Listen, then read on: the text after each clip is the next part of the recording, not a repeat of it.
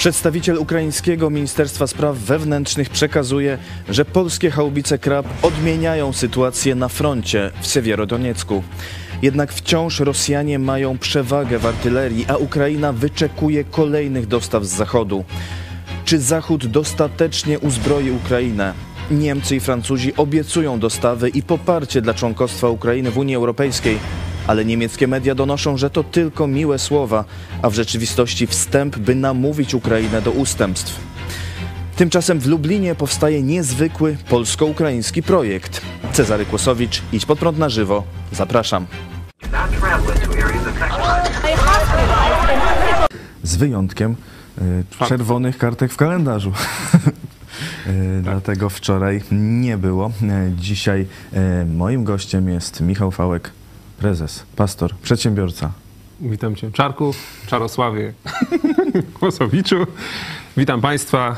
E, Bardzo, bardzo mi miło, że możemy znowu e, razem no, pokomentować, co się dzieje. Rzeczywiście po dniu przerwy. Wczoraj, wczoraj był dzień wypoczynku dla naszych widzów, ale dla nas nie.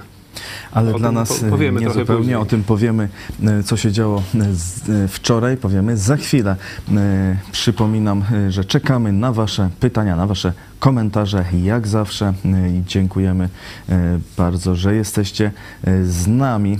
Można nas oglądać nie tylko na YouTube, ale też na Facebooku, na stronie Idź Pod Prąd TV oraz słuchać na Idź Pod Prąd FM i przez telefon, który, którego numer możecie y, znaleźć na naszej stronie.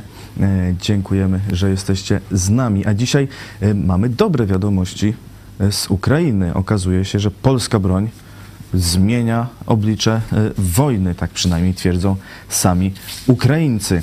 Doradca ministra spraw wewnętrznych y, Roscisław Smirnow, y, spra- ministra spraw wewnętrznych Ukrainy, stwierdził, że polskie kaubice Krab, które już weszły do walki na froncie w Siewierodoniecku, zmieniają oblicze wojny na tym odcinku. Jak powiedział, haubice kalibru 155 mm przekazane Ukrainie przez jej polskich przyjaciół bardzo zmieniły sytuację w Siewierodoniecku na korzyść naszych sił i okupanci to odczuli. Bardzo dobrze, bardzo dobrze. Cieszymy się z każdej takiej informacji, kiedy no, ci ruscy or orkowie dostają po tyłkach, e, kiedy rzeczywiście sprzęt, a tutaj jeszcze w dodatku polski sprzęt, czy polskiej produkcji sprzęt przydaje się Ukraińcom, którzy przecież walczą również za Polskę. No, trzeba, trzeba o tym przypominać. Oni nie walczą tylko e, o swoją wolność, przede wszystkim walczą o swoją ojczyznę, o swoją wolność, ale e, też jasno trzeba powiedzieć, jeżeli Ukraina by padła, tak jak ostatnio, mm, e, ostatnio wyciekły plany, e, plany orków Putina, to wywiad ukraiński podawał, że miał Kijów paść w ciągu 12 godzin.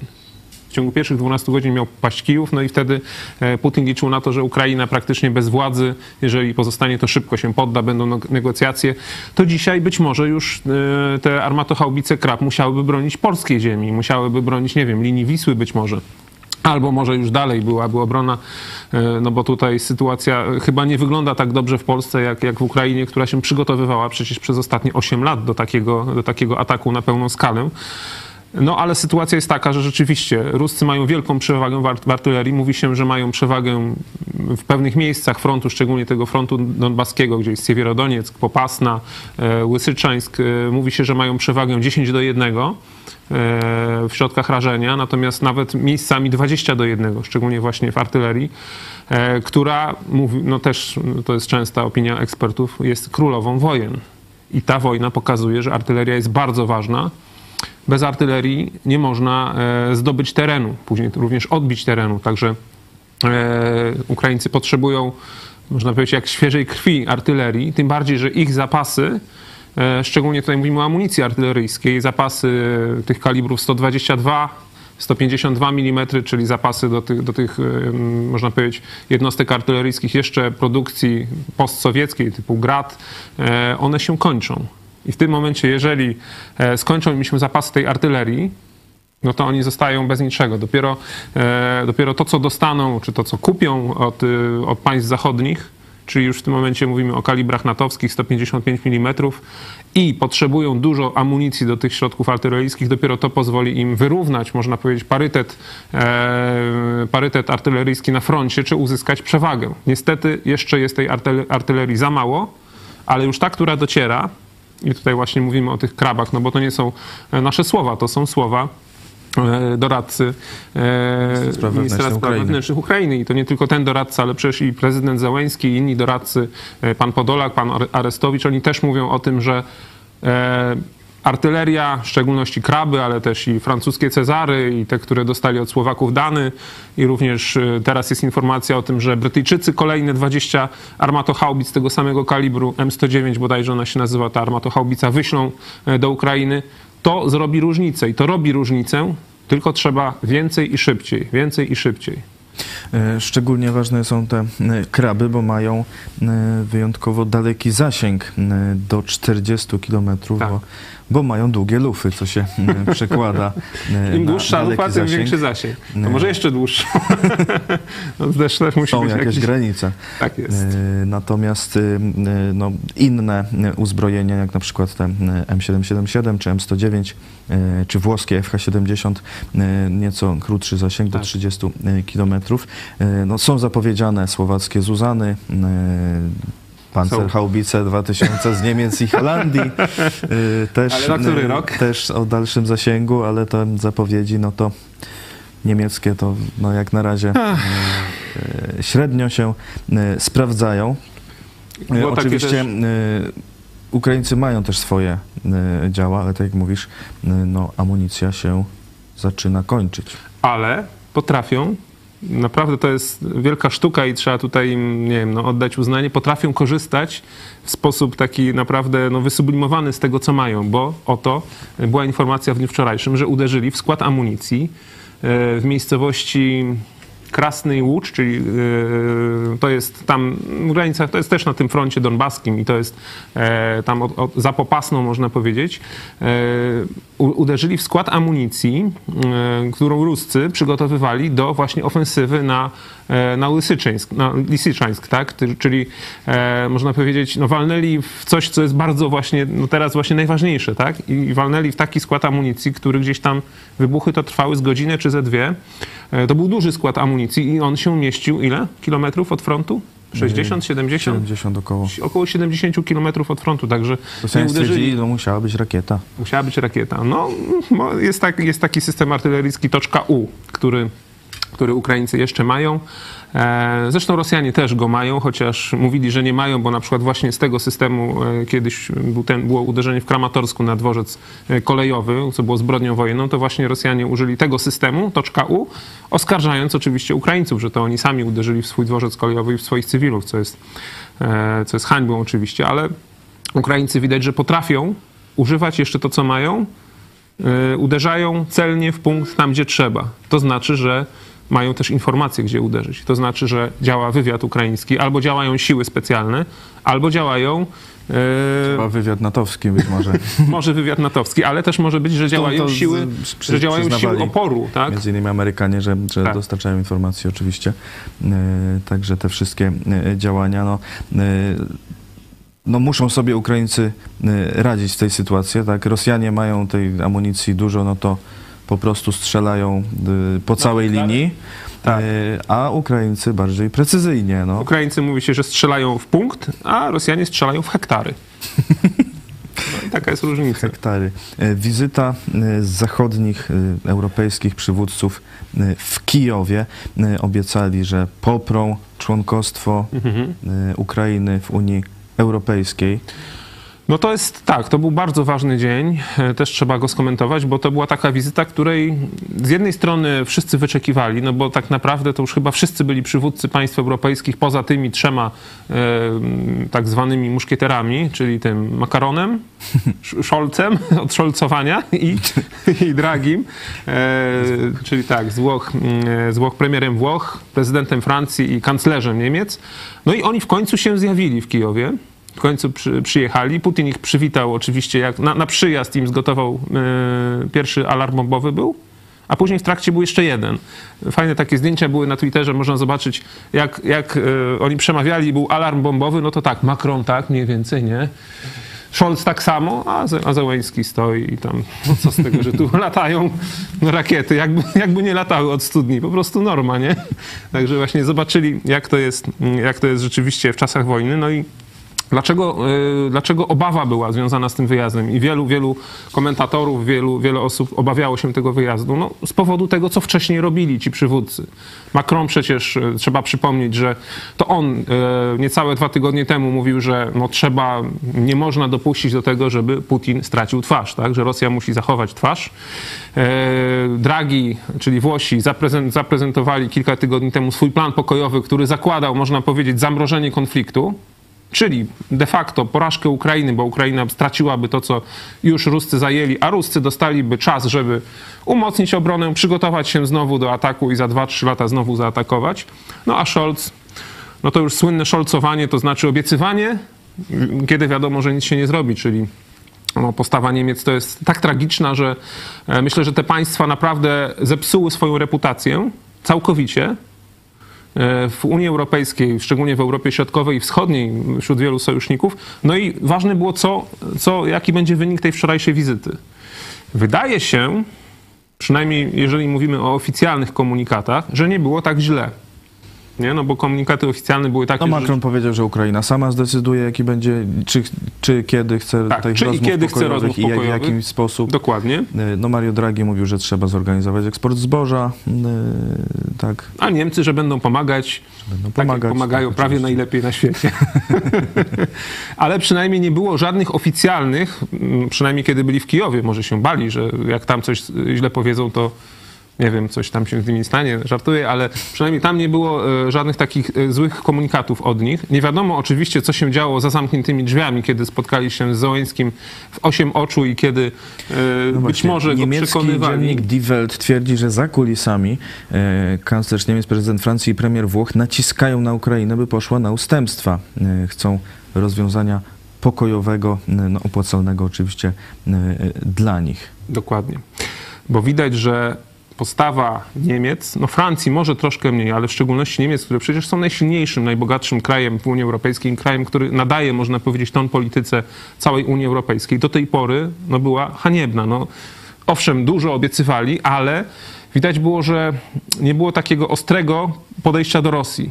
Że to, co robicie, po prostu kończy naszą współpracę. No, słowa były. Natomiast czyny takie, tak nie do końca. Albo widać, że to jest pod naciskiem. Nie? Widać, że kanclerz Scholz próbuje lawirować. Nie wiem, czy tylko ze względów politycznych, które ma w swoim kraju, czy no, to jest po prostu no nie chce zerwać rzeczywiście z tą, z tą polityką y, niemiecką wobec Rosji, która, jest, która była, można powiedzieć, prowadzona od lat, czyli wiążemy ze sobą Rosję przez, e, przez więzy przede wszystkim gospodarcze. Czyli my eksportujemy do nich wszystko, a od nich importujemy węglowodory. E, No i jeśli zwiążemy Rosję ze sobą gospodarczo, to Rosja nie będzie fikała, będzie pokój. No jak widać, niestety nie, nie, ta polityka się nie sprawdziła. Wszyscy ci poprzedni kanclerze, już poczynając od nie wiem którego tam pierwszy, Adenauer, Willy Brandt, ale już skończywszy na, na pani Merkel, no, ponieśli po prostu klęskę swojej polityki. Kanclerz Scholz, kiedy wojna wybuchła, to było to jego przemówienie, które, które wszyscy przyjęli, wow, nie? że tutaj Niemcy całkowicie odwracają o 180, można powiedzieć, kierunek w, y, w swoich więzach z Rosją, w podejściu do Rosji. No ale fakty, jakieś owoce tego za słabe są, nie? Póki co i tak wszyscy są zniechęceni. Szczególnie chodzi o te dostawy broni, y, które są tylko obiecane, a nic z tego nie ma. Chociaż informacja była, że w końcu, dzisiaj była informacja na Twitterze, że kilkudziesięciu ukraińskich artylerzystów zakończyło szkolenie na Panzerhaubica tam 2000 i do końca czerwca 9 ym, jednostek y, PZH 2000 będzie w Ukrainie. No, porównując to z naszymi 18 18 krabów e, już e, od dłuższego czasu jest. e, Jeszcze a propos krabów, możemy jedną rzecz powiedzieć.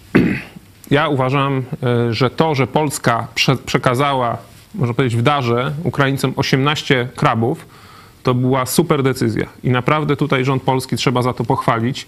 Czy rząd, czy prezydenta, nie wiem kto, kto miał największy wpływ, ale to była decyzja, tak można powiedzieć, wyznaczająca standardy, bo to my jako pierwsi daliśmy Ukraińcom broń najnowszej generacji, można powiedzieć. Bo oczywiście kraby to jest broń Jak najnowszej słyszę i generacji. czytam, że e, polska artyleria e, Zmienia kokosi sytuację. e, ruskich, no to mi się troszkę e, kąciki ust podnoszą. No właśnie. Ale co za tym poszło? Pewnie wielu z na- naszych widzów o tym wie, ale warto o tym powiedzieć jeszcze raz. Ukraińcy już w czasie trwania tej wojny, bo to już nastąpiło, podpisali z Polską kontrakt na dostawę kolejnych 60 krabów i to jest kontrakt za ponad 600 milionów dolarów, czyli to jest kilka miliardów złotych. To jest Tak, na naprawdę zakup. bardzo dobry Na kontrakt. zakup. Na zakup, tak? Czyli w tym momencie, zobaczcie, no jeżeli jest wojna, no to no tak trochę, no można powiedzieć, brzydko to brzmi, no, że wojnę trzeba wykorzystać. No ale jeżeli mamy przemysł zbrojeniowy, każdy kraj liczący się ma jakiś tam przemysł zbrojeniowy, to gdzie, y, jaka, jak, co jest okazją dla przemysłu zbrojeniowego? No Właśnie wojna, No bo tam można wysłać broń, żeby była przetestowana, żeby wszyscy zobaczyli, że jest Zaje fajna i po prostu każdy będzie chciał ją kupić. Jeżeli by Niemcy wysłali te Panzerhaubice 2000 przed naszymi krabami, to być może Ukraińcy by kupili Panzerhaubice 2000, a tak kupili 60 krabów. I chwała naprawdę tutaj polskiemu rządowi, że, że na taki krok się zdecydowali. Bo to będzie też wyznacznikiem dla kolejnych państw, które będą chciały, przecież się teraz będzie wiele krajów się zbroić. Widząc, co się dzieje na świecie, Rosja, Chiny, jakie mają Bym się zamiary. nie zdziwił, jakby Niemcy wysłali to e, do Rosji. Te swoje, haubice. No, może. Patrząc, jak postępują cały czas. Tym bardziej, że wysyłali broń w czasie embarga. Niemcy i Francuzi najwięcej. E, I e, organizowali do niedawna, przynajmniej oficjalnie, bo nieoficjalnie, nie Tak. wiemy, ale e, oficjalnie e, te systemy szkolenia e, rosyjskich Tak. żołnierzy. Ale generalnie jest to naprawdę powód dla dumy, dla państwa polskiego i dla Polaków, że polskie, e, myśl, mo, można powiedzieć, polska zbrojeniowa, polska zbrojeniówka na tym skorzysta. To nie jest tylko polska myśl techniczna, bo tam przecież są i podwozia koreańskie bodajże i no to jest taka trochę składanka. Nie mamy jeszcze na tyle silnych koncernów, żeby, żeby taki znakomity, można powiedzieć, sprzęt od w całości od A do Z zaprojektować i wykonać. Ale cieszmy się z tego, co jest, bo nie tylko kraby, ale przecież chwalone są bardzo pioruny, tak? Czyli można powiedzieć, to są wyrzutnie przeciwlotnicze, takie manpady, yy, czyli takie, że jeden żołnierz podchodzi, strzela i rozwala śmigłowiec za kilkanaście Tylko e, no, taka ściema tych e, przywódców, którzy przyjechali do Kijowa. E, Po pierwsze właśnie to, co mówiłeś, że Włochy już przedstawiły ten zarys planu pokojowego i zwiększają jego tempo. E, Po drugie, e, cytuję, najważniejsze państwa europejskie, takie jak Niemcy i Francja, pod różnymi pretekstami nie mogą się zdecydować, czy dostarczać broń, mimo wielu błagalnych apeli o pomoc ze strony Kijowa. E, I po trzecie, podczas środowej wizyty w Rumunii Macron nie mówił wiele o nowych dostawach broni dla Kijowa, za to dużo o konieczności negocjacji i przekazał Załęckiemu kilka jasnych, dyplomatycznie opakowanych komunikatów. Aczkolwiek e, w dniu wizyty, czyli w dniu wczorajszym, była informacja ze strony francuskiej, że dostarczają do, e, do Ukrainy kolejnych sześć, e, sześć właśnie tych armato-haubic Cezary, tak? Cezar, Cezary. Tak, tam już Bardzo też dobrze. parę było. Okej. no na twoją cześć, tak się nazywany? W każdym razie to Francuzi już zapowiedzieli. Włosi nic nie zapowiedzieli. Niemcy no, zapowiedzieli, że z czterech MLRS-ów tych Mars 2 dostarczą trzy do końca roku, także tutaj jest zmniejszenie, można powiedzieć. Ale no, faktem jest, Ukraińcy chwalą Niemców za to, że Niemcy wydatnie, wydatnie pomagają finansowo, czyli Niemcy, można powiedzieć, wpłacają pieniądze na fundusz obronny, z którego Ukraina później może na przykład kupić polskie kraby. Jeśli by to tak miało być, że Niemcy, można powiedzieć, zapłacą za polskie Jakby kraby... wpłacali tyle, co Rosji wpłacają, to my... Och, to by było pięknie. W każdym razie mm, dzisiaj już była informacja z kolei też no, smutna trochę, że e, pan Macron czy Macron już wracając, czyli jak się już poczuł bezpiecznie w pociągu, jak opuścił Kijów, no to powiedział słowa mniej więcej takie, że nie będzie pokoju w Europie, jeżeli będziemy chcieli e, wygrać tę wojnę niszcząc Rosję, tak? Czyli jeżeli będziemy chcieli zniszczyć e, Rosję, to nie będzie pokoju. Czyli krótko mówiąc, no nie możemy do, dążyć do, decyzy, do takiego decydującego zwycięstwa. Nie za dobrze. No jakoś tak, y, jakiś ma odwrócony y, umysł pan Macron, no bo to jak patrzę, moim zdaniem y, nie będzie pokoju właśnie dopóki tego nie zrobimy. Oni jakoś nie Także potrafią całkiem- zrozumieć, że No właśnie nie potrafią czy nie chcą? no, Tego nie wiemy do końca. Czy nie potrafią, czy nie chcą, jakie mają uwarunkowania. Być może jakieś tam są sieci powiązań, interesów, o których nie wiemy, których się możemy domyślać, które, no, które powodują, że te państwa zachodniej Europy są takie, tak siedzą, można powiedzieć, okrakiem nad płotem. Nie? Na pewno jest to szansa dla tych krajów, które, e, które ostro i jasno zdecydowały się wystąpić przeciwko można powiedzieć, temu e, autorytarnemu, nie tylko temu, ale przeciwko tym reżimom autorytarnym. I jest szansa, i rysuje się szansa, i o tym się coraz częściej mówi, na sojusz oprócz NATO, który będzie. No bo skoro Ukrainy nie chcą do NATO przyjąć Niemcy i Francuzi, bo to oni byli przecież przeciwko przyjęciu Ukrainy do NATO. Prezydent Bush proponował e, przyjęcie do Ukra Ukrainy do NATO w 2008 roku, wtedy kiedy była awantura, kiedy Ruscy napadli na Gruzję. Już wtedy była propozycja przyjęcia Ukrainy do NATO. To właśnie Niemcy i Francuzi byli przeciw. Czyli jeśli oni nie chcą przyjąć, jeśli wtedy nie chcieli i teraz nie, tak nie bardzo pomagają, to znaczy, że dalej nie chcą przyjąć Ukrainy do NATO. E, no i jest szansa, i o niej się mówi, na inny sojusz. Ten sojusz by się składał ze Stanów Zjednoczonych, z Wielkiej Brytanii, Ukrainy i całego pasa państw Europy e, Wschodniej, Środkowo-Wschodniej, czyli państwa bałtyckie, Polska oczywiście, e, być może Czechy, Słowacja, Rumunia ten sojusz spokojnie by sobie dał radę, myślę, z ruskimi. Tam wcale Niemcy, ci Włosi e, i Francuzi, co mają tam, czołgów chyba nie mają, chociaż nie żartuję, mają dobre czołgi Leclerc, e, one nie wiem, czy tam więcej biegów mają do tyłu niż do przodu, tak jak kiedyś było, czy coś się poprawiło we francuskiej? Nie no, francuska armia mimo, mimo różnych żartów z niej, no to jest jednak mocna i, i w historii mocno. też wielokrotnie no, walczyli francuscy żołnierze skutecznie.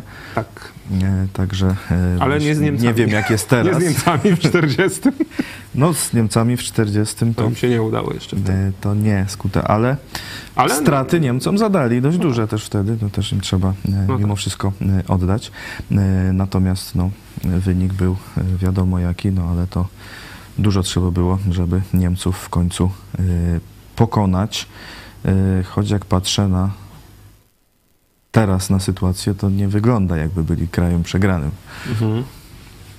No ale e, to inna e, sprawa. E, prezydent Andrzej Duda mówił, że wizyta tych czterech europejskich przywódców w Kijowie, bo tak. też Rumunii, Dokładnie. to bardzo dobry sygnał przed głosowaniem nad statusem kandydata dla Unii Europejskiej, do Unii Europejskiej dla Ukrainy. Powiedział też, że bardzo ważna e, była ich wizyta w Irpieniu, mhm. gdzie widać, jak brutalna jest rosyjska e, agresja. I a propos Irpienia, no to e, co się działo właśnie wczoraj w Lublinie. Polsko-ukraiński koncert chwały na Placu Litewskim w Lublinie. Nagrania z niego już niedługo w telewizji Idź Pod Prąd zaprezentujemy. Natomiast śpiewał śpiewał zespół muzyczny Ukraińskiego Kościoła e, Bożego e, w Krakowie e, oraz oczywiście nasz zespół Kościoła Nowego Przymierza w Lublinie. Występował także pastor Igor Jaremczuk, rektor Seminarium Biblijnego właśnie w Irpieniu, pastor Kościoła Baptystów w Kijowie i ogłosił historyczne wydarzenie. Posłuchajmy. Наша семинария сейчас, как вы уже слышали, разбомблена, ее разбомбили русские. Jak już wcześniej słyszeliście, nasze seminarium jest zniszczone całkowicie, zostało zbombardowane przez Ruskich. Но мы верим, что семинария это не здание. Ale wierzymy, że seminarium to nie tylko budynek. Как и церковь это не здание, это не помещение. Tak jak i kościół to nie tylko budynek. Но это люди. Tylko ludzie. Это наши студенты, наши сотрудники. To są nasi studenci i nasi współpracownicy, nasi pracownicy. Наша семинария существует уже больше 30 лет. Nasze seminarium funkcjonuje ponad 30 lat. И сейчас учится в семинарии 830 студентов. I w tym okresie, teraz, w tych czasach, w seminarium uczy się 830 studentów. Также у нас есть желание открыть филиал Ирпенской семинарии здесь, в Люблине. Mamy marzenie, żeby odkryć filię, żeby za, założyć filię naszego seminarium tutaj właśnie w Lublinie. Поэтому кто убежал из Украины в Польшу, Dlatego kto uciekł z Ukrainy do Polski, вы не убежали от семинарии. nie uciekliście od naszego seminarium. Потому что семинария прибежала за вами. Bo seminarium was dogoniło. И 20 августа уже начнется обучение здесь, в Люблине. I 20 sierpnia zaczniemy zajęcia już tutaj w Lublinie. А теперь мы уже приехали в Польшу для того, чтобы посетить церкви, посетить верующих. А, И не только это, но а, у нас вот произошел этот исторический момент, A teraz jesteśmy w Polsce właśnie po to, żeby też e, przydać się e, co- Kościołowi wierzącym, ale też jest historyczny moment. потому что впервые за всю историю Польши и Украины а, образовался польско-украинский библейский институт. No właśnie, ten historyczny moment to jest to, że pierwszy raz w historii i Polski, i Ukrainy powstał Instytut Biblijny Это Ukraińsko-Polski. войдет в историю, потому что такого никогда раньше не было. Tak, to jest historyczny moment. Historyczny moment. Polsko-Ukraiński Instytut Biblijny w Lublinie. Tak, tak. Bardzo się cieszymy e, z tej decyzji mm, rektora Igora Jaremczuka. No to jest, jak wczoraj też mówił pastor Paweł Chojecki, mm, rzeczywiście też spełnienie naszych marzeń, naszych planów. E, Jak dobrze wiecie, mm, naszy dro- nasi drodzy widzowie, już od jakiegoś czasu marzymy, czy chcieliśmy, czy próbujemy stworzyć Lubelski Uniwersytet Biblijny tak go nazwaliśmy pierwotnie. Wiele jest z tym troszkę problemów było, no bo to nie jest tak proste w polskim kraju, gdzie jest wielka biurokracja, gdzie są przeróżne obwarowania, gdzie są przeróżne, można powiedzieć, przeszkody położone, stworzyć uniwersytet. I yy, no nie ukrywaliśmy tego, że myśleliśmy o patronacie Uniwersytetu Biblijnego czy Seminarium Biblijnego, które już istnieje, o nawiązaniu takiej właśnie ścisłej współpracy. Wcześniej myśleliśmy, że to będą Amerykanie, Liberty University, tak na to wyglądało. No ale to tak Bóg poskładał, że jest wojna w Ukrainie i wielu, wielu Ukraińców musiało uciec, z czego duża część do Polski. A ponieważ w Ukrainie, jak się okazało, jest dużo więcej procentowo wierzących niż w Polsce, no to być może kilkadziesiąt tysięcy wierzących Ukraińców, takich nawróconych do Jezusa Chrystusa jest już w Polsce, czyli e, może jest ich nawet więcej niż chrześcijan w Polsce biblijnie wierzących. No i tak jak właśnie mówił rektor, e, rektor Jaremczuk, oni y, uciekli, chcieliby uczyć się dalej, nabywać wiedzy biblijnej e, w seminarium biblijnym, w wyższej szkole biblijnej. Nie bardzo mogą, bo już mm, po pierwsze uciekli z Ukrainy, po drugie tam Ruscy rozbombili e, tamto seminarium. Oczywiście będzie, będzie ono odbudowywane, ale to nie jest takie proste, nie da się tego zrobić w ciągu kilku tygodni. Dlatego została podjęta decyzja o nawiązaniu ścisłej współpracy i o tym, że będziemy filią tego seminarium irpińskiego, które, co jest bardzo ciekawe, jeśli chodzi o takie ratingi yy, seminariów biblijnych, no plasuje się w czołówce światowej, a nawet Amerykanie, gdzie przecież jest wiele takich yy, szkół typu Moody, Bible Institute i wiele innych, yy, Amerykanie zaprosili, zaprosili nie tak dawno rektora, rektora Jaremczuka do siebie, żeby no, nauczył ich, jak stać się tym najlepszym seminarium, bo oni uważają, że seminarium w Irpieniu jest najlepsze na świecie. A w Lublinie będzie oddział tego seminarium, no i zajęcia rozpoczną się już za dwa miesiące. Także to jest wielka, wielka chwila dla nas. E, Prosimy oczywiście e, tych e, wierzących, naszych widzów, którzy chcieliby wziąć udział w zajęciach, chcieliby uczyć się w lubelskim oddziale tego seminarium w Irpieniu. Dokładnie to będzie polsko-ukraińskie seminarium biblijne. Zgłaszajcie się do nas. Dzieje się, e, dzieje się i będzie się e, jeszcze e, działo.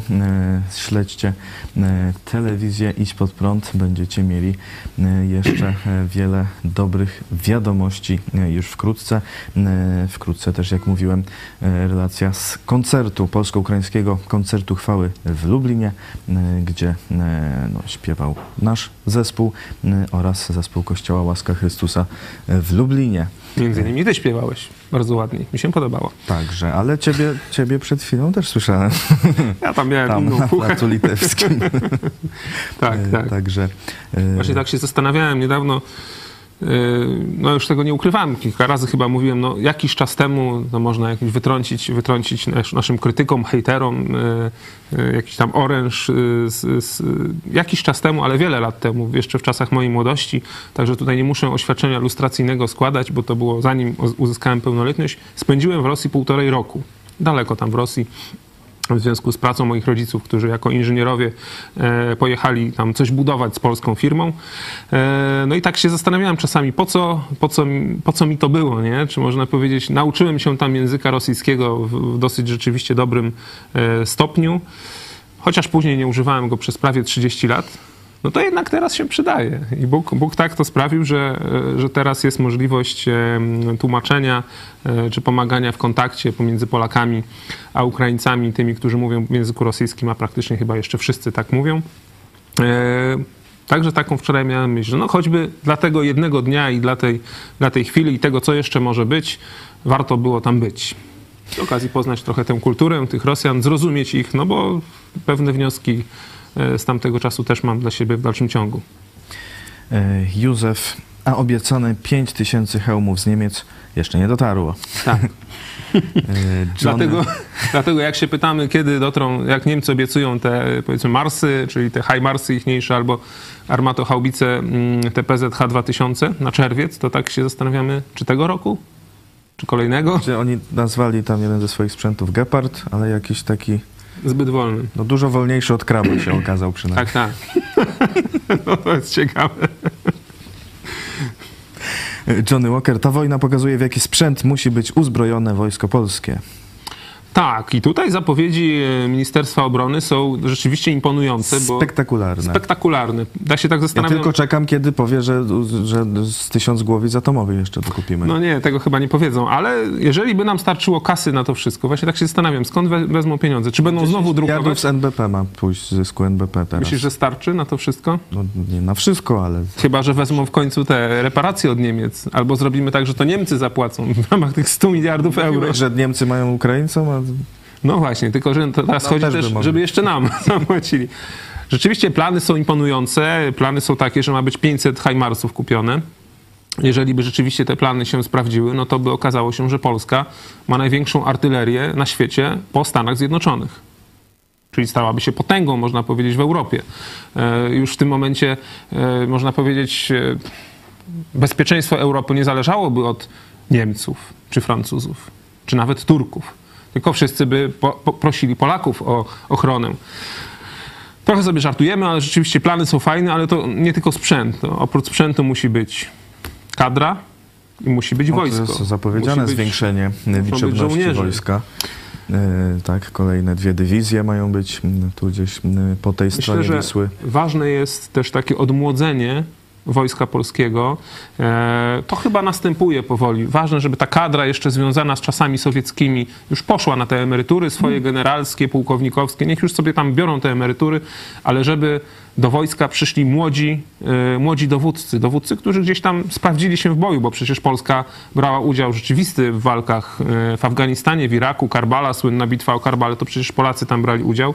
Także przy okazji wsparcia sojuszników na Bliskim Wschodzie czy właśnie w Iraku, w Afganistanie, Polacy mieli okazję wyszkolić się bojowo i teraz ci, którzy tam y, brali udział żołnierze w wojsku, teraz niech będą dowódcami, niech oni szkolą kolejnych. To to jest szansa na rozwój armii polskiej.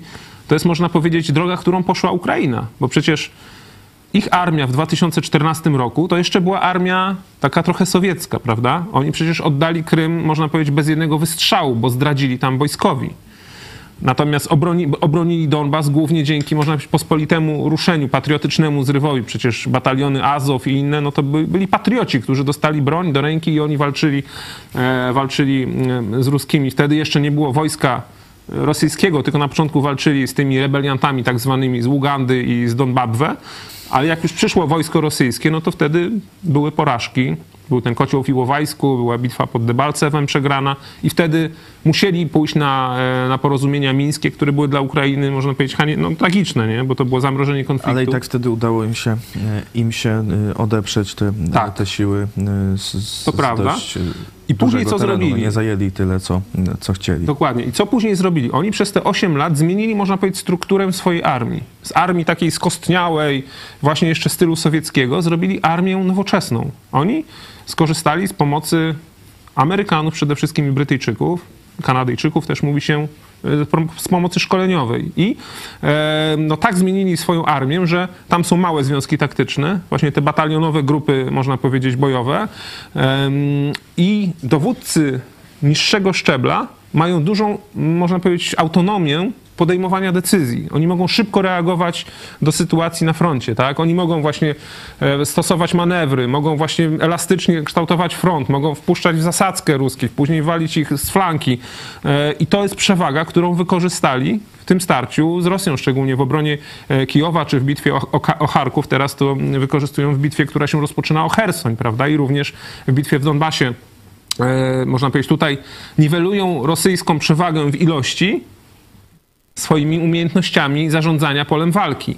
I tak powinna również polska armia się zmienić, bo myślę, że jeszcze nie do końca jest zmieniona. Myślę, że e, tych jednostek takiego nowoczesnego typu jest być może kilka, te elitarne polskie jednostki, które gdzieś tam e, też otrzaskały się powiedzmy na, na Bliskim Wschodzie, w Iraku, w Afganistanie, ale kluczem jest, żeby cała polska armia wykorzystała tę możliwość, którą daje nam właśnie współpraca ze Stanami Zjednoczonymi czy z Brytyjczykami. Szkolenie i Do zmiany. tej pory jednostki polskie często były nieukompletowane. No i jeszcze dalej y, pewnie są nawet, jeśli chodzi o sprzęt, czy nawet y, kadrę, także tu jest dużo do zrobienia, Tak. oby się faktycznie to stało, ale no Wyszliśmy te, od sprzętu. Fajnie, że zapowiadają, ale to nie tylko sprzęt. Musi być też zmiana. Zapowiadają i sprzęt, i y, zwiększenie y, liczby y, ludzi w wojsku. Zobaczymy, jak to wyjdzie, czy znajdą tych ludzi faktycznie chętnych. No teraz jest trochę więcej chętnych. Tak, tak. Jak były, niedawno przecież była, był nabór, można powiedzieć, bo przecież w Polsce nie ma, nie ma poboru przymusowego, tylko jest dla chętnych, to, to zostały wakaty szybko zapełnione, nie? Także to jest, myślę, że dużo młodych ludzi, wielu młodych ludzi jednak ch- garnie się i chce bronić ojczyzny. Widzą też szansę na swoją jakąś karierę zawodową właśnie wiążąc się z armią. Tadeusz, tak ma być. Jeżeli we wrześniu 1939 byliśmy pierwsi w boju przeciw agresji niemiecko-sowieckiej i zostaliśmy osamotnieni w tej walce, to nie możemy tak pozostawić Ukraińców. Następni będziemy my. E, Józef, w tym sojuszu wschodniej Europy dodałbym Gruzję. Tak, chociaż w tym momencie w Gruzji jest taka sytuacja, że jest rozdźwięk pomiędzy rządem a prezydentem. Prezydent jest, można powiedzieć, prowolnościowy i proukraiński, a rząd jest niestety y, po wyborach prorosyjski. Torpeduje, y, torpeduje wysiłki prezydenta, żeby pomagać Ukrainie. Także no, niestety to jest, no, to jest trochę problem też demokracji, że jak się trafi społeczeństwo, nie wiem, zostanie zmanipulowane, zmęczone jakąś sytuacją czy kryzysem i wybierze kogoś, kto okazuje się, że jest prochiński, prorosyjski, to co wtedy? Jest problem, nie? Dlatego być może też niektórzy ci przywódcy e, różnych państw no, grają tak, jak mogą, bo boją się, że jak stracą władzę, to przyjdzie jeszcze ktoś gorszy. Na przykład pani Le Pen nie wygrała we Francji i myślę, że to jednak dobrze. Jaki ten Macron jest, to pani Le Pen to przecież była po pierwsze w kieszeni Putina, po drugie była wielką przyjaciółką Putina. Jeżeli ona by wygrała wybory, to wiecie, mogłoby być już dużo gorzej w tym momencie. Byłby Cezary mogłyby być z drugiej strony frontu. No Cezary, nie mów tak. Ale mogłoby tak być. Takie, y, takie po prostu są y, fakty. Y, Za chwilę powiemy jeszcze trochę o sytuacji w Polsce, y, trochę o sytuacji gospodarczo, y, gospodarczo Bo mamy tutaj bardzo dobre urzędowej. wieści. Dobre wieści mamy. Wspaniałe. Przypominam najpierw jednak o wsparciu. Zachęcamy do wsparcia telewizji Spod Prąd. Również w czerwcu, w maju było tysiąc, ponad tysiąc wpłat. Dziękujemy bardzo serdecznie. Ten program istnieje tylko dzięki temu, że Wy nas wspieracie. E, Tych Szczegóły jest, na stronie mamy, spodprąd.pl ukośnik wsparcie, a dziś 17 czerwca e, licznik gitar pokazuje 475. Także już prawie połowa. Że zobaczymy ten ładny licznik kręcący się. Nie mamy dzisiaj. Dzisiaj chyba. Ok.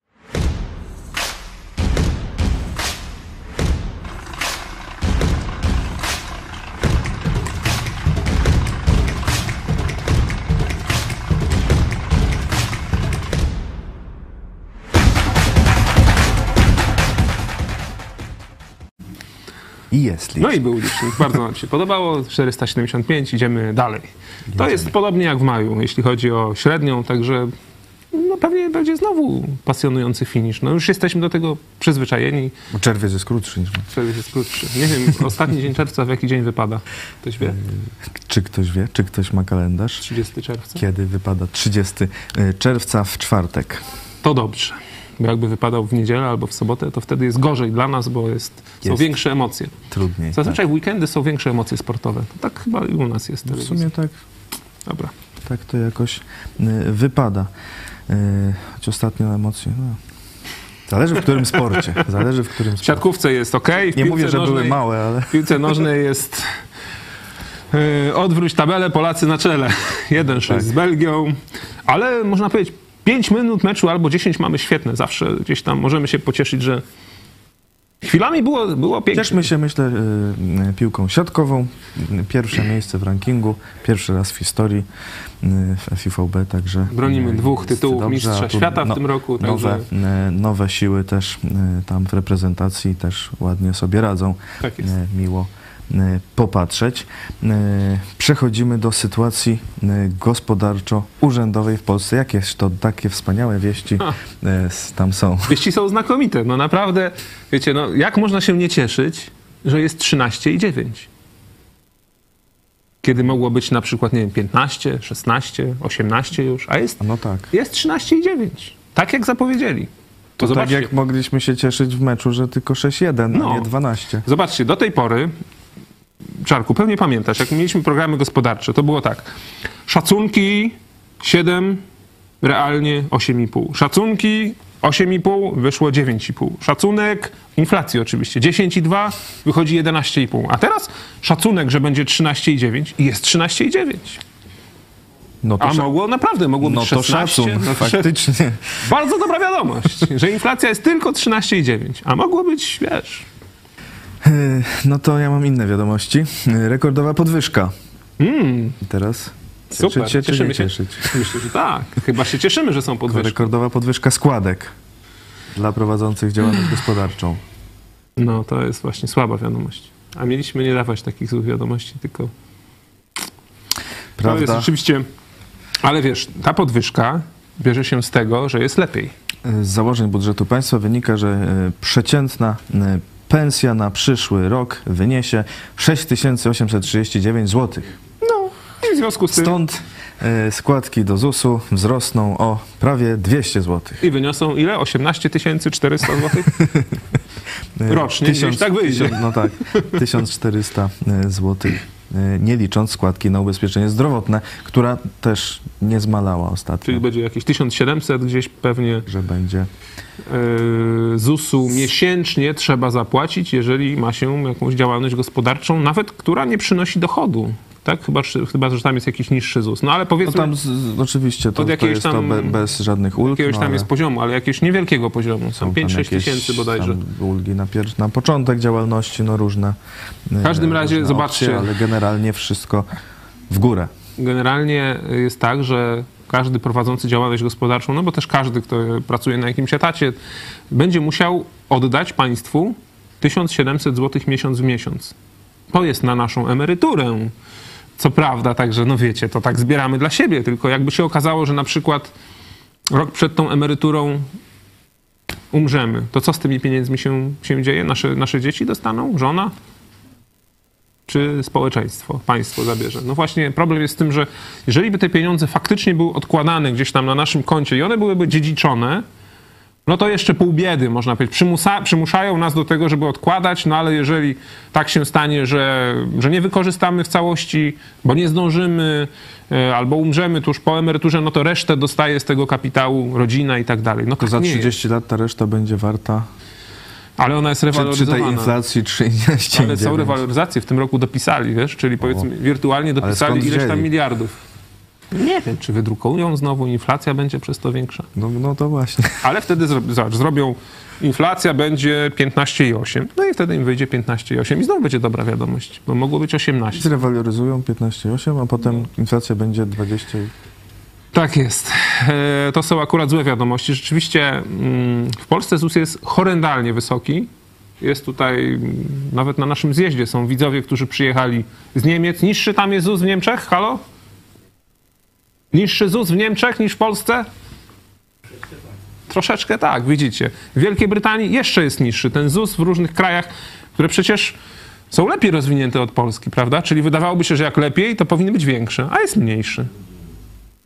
to może jednak drugą stronę powinna być droga. Przemysław Pruszyński z Konfederacji Lewiatan e, mówi, właśnie trzeba pamiętać, że e, podwyższono właśnie składkę na ubezpieczenie zdrowotne. To się w przyszłym roku skumuluje z rosnącymi składkami na ZUS. I cytuję, taki niekończący się wzrost wszelkich danin nakładanych na przedsiębiorców będzie przekładał się na wzrost cen, a miliardy złotych, jakie wpłyną do ZUS, zostaną bardzo szybko rozdane jako świadczenia socjalne, a te pieniądze mogłyby służyć w gospodarce. E, No to już masz odpowiedź, co się stanie z tymi pieniędzmi. No, Zostaną rozdane. rozdane, no właśnie. Świadczenia socjalne. Bo ZUS to jest taki worek bez dna, który, no można powiedzieć, to jest taki, mm, takie wsparcie budżetu, że przecież te pieniądze nie zostają rzeczywiście na kontach, tylko idą do rozdania później na różne świadczenia socjalne albo na pokrycie wydatków administracji przeróżnej, budżetowej i tak dalej, czyli na to nasze bizantyjskie państwo, które jest zdecydowanie za drogie. Zdecydowanie e, za drogie. E, Kolejne e, wiadomości. E, Urzędnicy chcą strajkować. Niech tam rzucają tę robotę w we, ogóle. we wtorek, we wtorek e, W ZUS-ie? rząd zaoferował, e, w ZUS-ie też, e, we wtorek rząd zaoferował 7,8%, pod- 7,8% podwyżki inflacyjnej. Związkowcy domagali się 20%. Nawet już Solidarność mówi, że tak być nie będzie Tak jest. i zapowiada, że musi być 20%, ewentualnie w dwóch ratach po, Po 10. mniej więcej tam 10. To ja proponuję, żeby urzędnicy rzucali tę robotę. Naprawdę. No, rzucajcie tę robotę, jak okaże się, że jest was za Urzędnicy, mało. ale chodzi generalnie o budżetówkę całą. No tak, tak, tak, tak. Jakby rzucali tę robotę, to by się okazało, że może te urzędy mm, jakoś będziemy, nie wiem, likwidować, bo brak tam pracowników. Jakoś, no jakoś sobie poradzimy bez tych urzędów. No to przecież nie musi być tak, że wszystko musi być... No tak, no ale sfera budżetowa to nie tylko urzędy, to, No nie e, tylko, to tak. szkoły, to, to, Szpitale to również, przeróżne, tak. e, przeróżne instytucje. To się zgadza, no ale reformowanie państwa powinno polegać na tym, że jednak staramy się A wychodzić z nauczycieli, nauczyciele już coraz szybciej rezygnują, już podobno brakuje, jest, są oferty dla 13 tysięcy do, do zatrudnienia i tak nie ma, nie ma za bardzo chętnych. Mhm. No ale przecież można byłoby wprowadzić, czy zrobić taką reformę szkolnictwa, żeby rzeczywiście wprowadzić ten bon oświatowy i uwolnić e, możliwość taką, żeby jak najwięcej było tych prywatnych szkół. No, ludzie, jeżeli by mieli możliwość decydowania, no to przecież te, te szkoły prywatne powstają i się utrzymują. I często nawet te szkoły tak zwane społeczne na przykład, prawda, one nie utrzymują się z, z czesnego, albo w małym stopniu z czesnego, tylko utrzymują się z tego, że właśnie pieniądze idą za uczniem, tak? Czyli jest gdzieś ta dotacja oświatowa i one idą za uczniem. No to jednak to jest jakaś, jakaś możliwość. Nie musi być wszystko państwowe, żeby było dobrze. E, Państwowe jednak jest mniej efektywnie zarządzane. Sławomir Broniarz, e, prezes Związku Nauczycielstwa Polskiego, e, musiał się zastanowić i powstrzymywać, żeby skomentować tę ofertę rządu, tak by można ją było zacytować w mediach. Właściwie to z powodu niecenzuralnych słów, które cisną mi się na usta, powinny być w tym zdaniu same kropki. Tak powiedział i opowiedział historię nauczycielki z Podlasia. Rodzice tej młodej kobiety również są nauczycielami. W środę rano bank poinformował ich, że nawet razem nie mają zdolności kredytowej, więc nie mogą pomóc swojej córce w uzyskaniu kredytu mieszkaniowego. Cała trójka nauczycieli nie ma zdolności kredytowej, by kupić mieszkanie w Sokółce. Tak to wygląda. No ale to nie tylko jest związane z wykonywaniem zawodu nauczyciela, to jest problem całej gospodarki. To o tym niejednokrotnie mówiliśmy. Wzrost stóp procentowych, e, łącznie z tą inflacją, która jest, powoduje, że no, zdolność kredytowa spada. Branie kredytów jest zresztą coraz droższe. No niestety, to jest. To w tym momencie Polska będzie w kryzysie gospodarczym. Zresztą nie tylko Polska, bo przecież inflacja rośnie i w całej Unii Europejskiej, i w Stanach Zjednoczonych te odczyty inflacji są najwyższe w historii, albo najwyższe w ciągu ostatnich tam 30-20 lat. Tylko tam te nie najwyższe są trochę, trochę Niższe mniejsze niż u nas. Te rekordy. Yy, Kolejne wiadomości ze sfery urzędniczej. Michał Cieślak, oficjalnie wyrzucony z rządu, którego ostatnio Eee, patrzcie dzieci, tak wygląda kapuś. wyczyny komentowaliśmy. Wyrzucony, ale już z rządu czy z, posł- z posłowania nie można go wyrzucić? na yy, naczelniczkę poczty w Pacanowie. No i bardzo dobrze. No i panie Cieśle, Oficjalnie już Warto prezydent było- Andrzej Duda na wniosek premiera go odwołał ze składu rządu. warto było tak się zacho- zachowywać, żeby wykorzystywać swoją władzę do niszczenia człowieka, który poskarżył się, że mu źle jest? No nie, trzeba wysłuchać takiego człowieka ze zrozumieniem, spróbować wejść w jakiś dialog. Yy, No, trzeba też być kulturalnym i takim naprawdę, można powiedzieć, wyczulonym na, na tych, którzy mają gorzej, źle, a nie z buta ich traktować, bo się jest posłem i ministrem. Już się nie jest ministrem, a posłem też się nie będzie, mam nadzieję. Yy, Mam nadzieję, yy, ale to też no, poseł czy w ogóle minister i tak dalej, no powinien mieć dużo większą tolerancję na yy, krytykę obywateli yy, niż No przeciętny właśnie. człowiek. Ale co to znaczy słowo minister? Jakie jest źródło słów tego słowa? minister to jest sługa. Bo minister, minister, y, czasownik to jest służyć, tak? No to jeżeli pan minister jest sługą narodu, no to musi się zachowywać jak sługa, a nie jak pan tego narodu. No Bo to jednak naród, zdaje się, w polskiej konstytucji jest, jest można powiedzieć, na czele, Suwerenem. jest suwerenem, tak? Czyli też i szefem tego pana ministra. E, To oczywiście z, łacin, z łaciny e, sługa czy pomocnik, natomiast może pan Cieślak e, stwierdził, że minister to znaczy taki mały ster i on będzie sterował Może tak, a to z ruskiego? Okej. Takie e, ma widać mniemanie o tym. No, no, mówisz, że prywatne jest bardziej efektywne niż publiczne, a na przykład są zapowiedzi, że właśnie prywatne restauracje będą padać jedna za drugą, jak pisze many.pl, jeżeli nie będzie konkretnych działań pomocowych, bo po pandemii e, spadła na nich inflacja. No to się zgadza, ale czy to, że prywatne... Północna, Północna Izba Gospodarcza alarmuje, Czy to, że jest prywatne... jeszcze gorzej niż w trakcie No tak, lockdownów. Tak, tak. tak, to jest prawda, ale to, to nie dlatego, że są prywatne, bo rozumiem, że jeżeli źle, że prywatne padają, to znaczy, że jak zrobimy publiczne, to nie będą padać. no dlatego jest źle, że Polacy mają coraz mniej pieniędzy. I coraz częściej no, nie będzie stać ludzi, żeby pójść do restauracji, zjeść obiad, czy pójść do kina, czy pójść, nie wiem, do jakiegoś kosmetyczki, tam chodzą też ludzie i tak dalej, czy po prostu skorzystać z usług, tylko będą starali się te usługi no, we własnym zakresie zrealizować. Czyli na przykład kupić sobie, nie pójść na frytki, tylko kupić ziemniaki, obrać, pociąć i sobie w domu zrobić. No tak może będzie coraz więcej ludzi robić. A to nie Teraz- dlatego, że prywatne są. Bo jakby były państwowe, to być może by przetrwały, tak? Ale by przetrwały dlaczego? Bo by były dotowane. Czyli kto by zapłacił, żeby przetrwały? Społeczeństwo. Pan, pani, my wszyscy tutaj, prawda? No i wtedy dotowanie e, to jest wydawanie pieniędzy. Pieniędzy publicznych, które albo trzeba zabrać w podatkach, co z kolei osłabia gospodarczo Polaków, no albo trzeba wydrukować, a to z kolei później się przełoży na zwiększenie inflacji, czyli też na zabranie pieniędzy. No tak to, tak to działa. E, Mariusz pisze, już wiele osób zamyka e, działalności.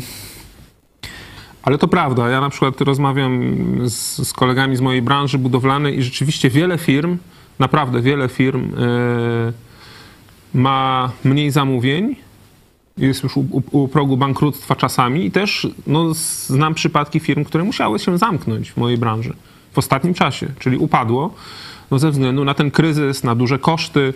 No w tym momencie, wiecie, no jeżeli przychodzi czas kryzysu, no to jaka jest recepta? No receptą jest jakieś takie zarządzanie firmą, żeby jednak minimalizować koszty prowadzenia firmy.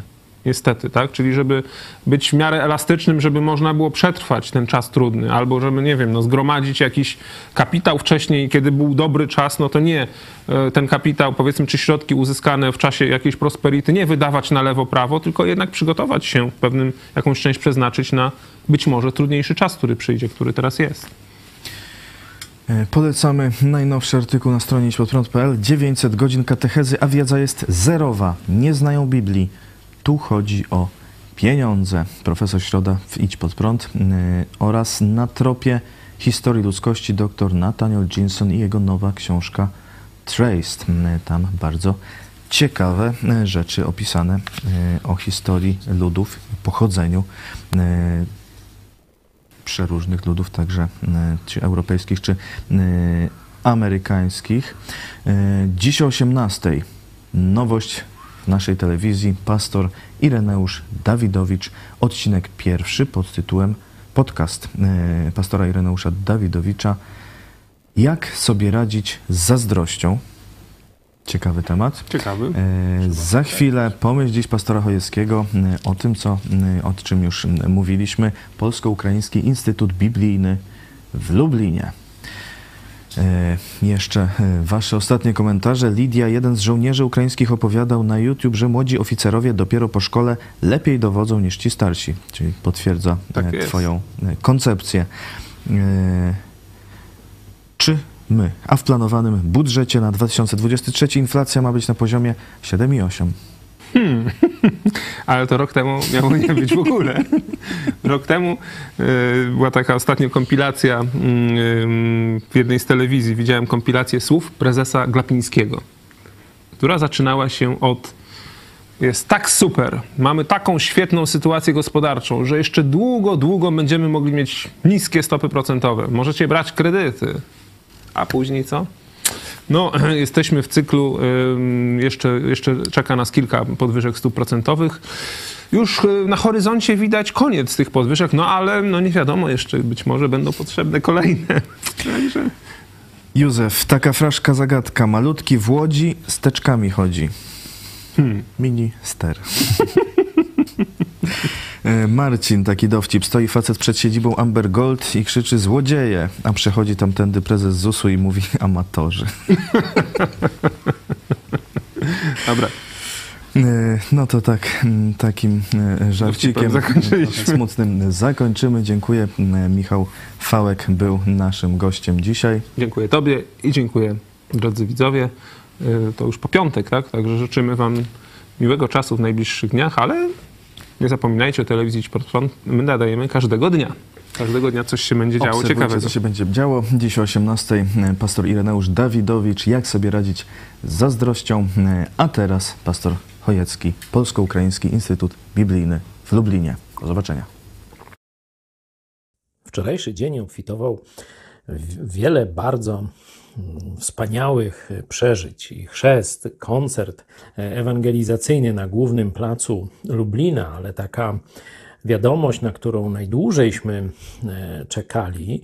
Pamiętacie, że modliliśmy się o to, by mm, Bóg otworzył jakąś drogę do e, budowania mm, przyszłego chrześcijańskiego uniwersytetu, począwszy od szkoły biblijnej. Kościół daliśmy radę założyć, media mm, chrześcijańskie daliśmy radę założyć, no ale szkoła biblijna, uniwersytet, ten projekt to już jest projekt dla chrześcijan z całej Polski, a nawet być może z mm, szerszego obszaru. Wcześniej myślałem, że tym szerszym obszarem to będą Stany Zjednoczone, ale Ostatnie wydarzenia pokazały, że Bóg no, kładzie nacisk na Trójmorze i e, tym początkiem tego budowania e, tego wielki, wielkiego obszaru Trójmorza i współpracy tutaj zarówno chrześcijańskiej, jak i też wszelakiej innej tych narodów jest to, co Bóg zrobił między Polakami a Ukraińcami. Okazało się, że na Ukrainie